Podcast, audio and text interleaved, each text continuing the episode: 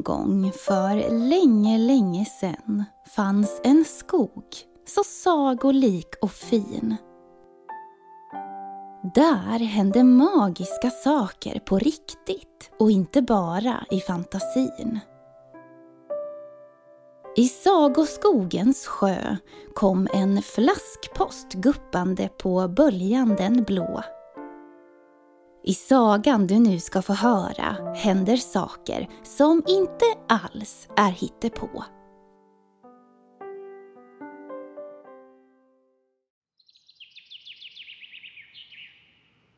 Trollbarnen Sten och Flisa var på väg ner till stranden.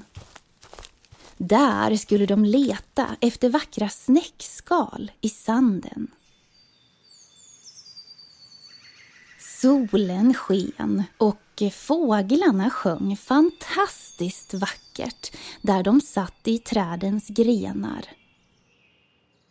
Flisa plockade också längs vägen vita, vackra stenar.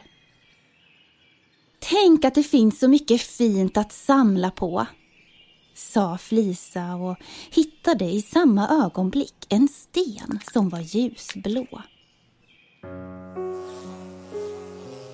En familj med humlor kom surrandes bredvid Flisa och Sten. De skulle till trollet Proppmätt Karlsson och vek av vid en buske som blommade av syren. Värst vad de hade bråttom, sa Sten som blev nyfiken. Trollbarnen bestämde sig för att följa efter efter humlorna innan de gick vidare till badviken. När de kom fram till Proppmätt Karlssons hus var där fullt av fåglar, insekter, små väsen och en liten husmus. På gården stod Proppmet Karlsson och snickrade de sötaste små stugor. Och i en lång kö för att köpa dessa stod alla väsen, djur och även flugor. Stugorna var i lite olika storlekar. Vissa lite större och andra lite små. Jag har fått en ny hobby! Ropade Proppmätt Karlsson glatt till Trollbarnen 2.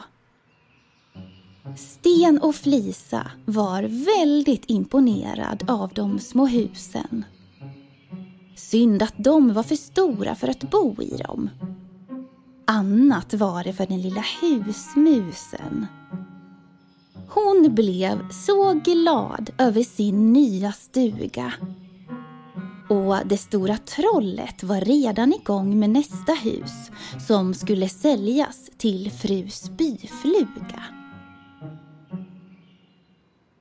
Proppmätt Karlsson var minsann en riktig glädjespridare.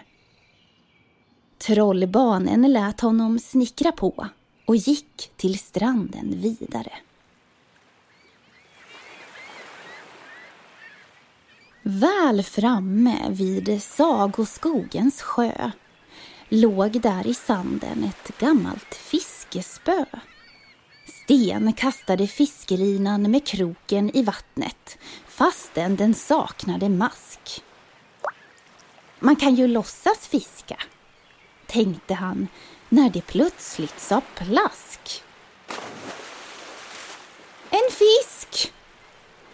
Hojtade han glatt till Flisa. Men hon hade fått syn på något annat som hon gärna ville visa. Fisken simmade iväg och Sten blev lite sur. Stackars Sten, en sån otur. Flisa såg något som guppade bland vågorna i vattnet. Det såg ut som en glimmande tågbiljett. Men snart flöt föremålet i land och Flisa tog upp det i sin hand. Det var en glasflaska med något inuti. Det var något som rörde sig där i. Felisa öppnade korken och kikade in i flaskan. Där inne satt en liten flicka som hette Ann Lilleman. En flaskpost med småfolk var vad det var. Snälla ni, sa flickan som verkade rädd. Jag är absolut inte ätbar. Sten tittade på henne med vänlig blick och ett leende så snällt. Dig skulle vi aldrig äta upp, sa han. Inte ens om vi höll på att dö av svält. Ann berättade då att hon kom från Lillemans land.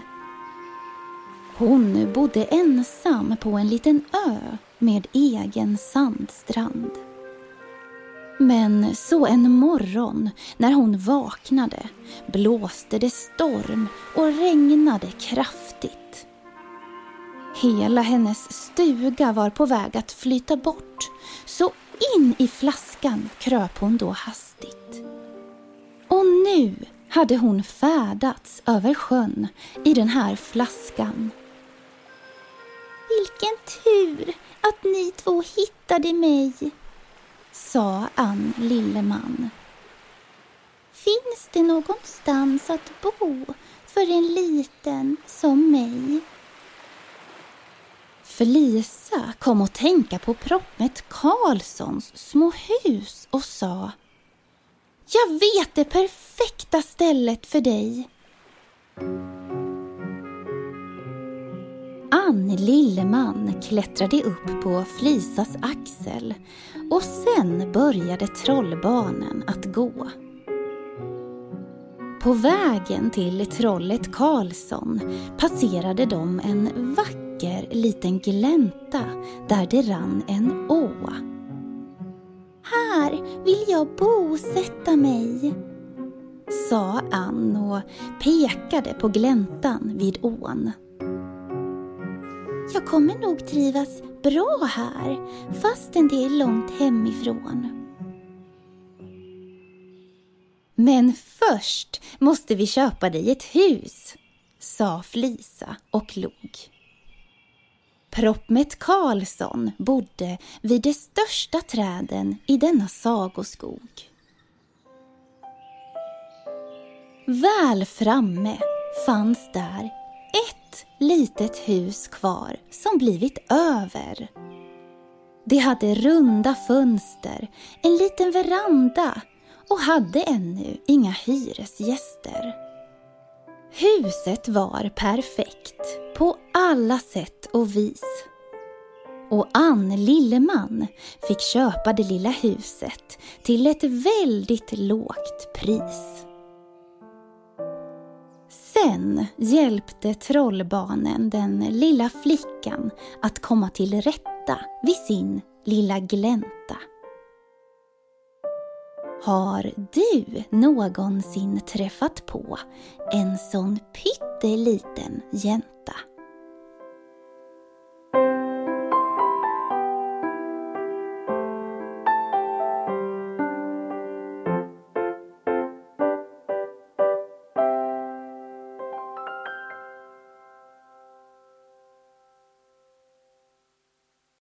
Ni har lyssnat på Sagoskogen. Skriven och producerad av Johanna Blomgren och Henrik Nordgren.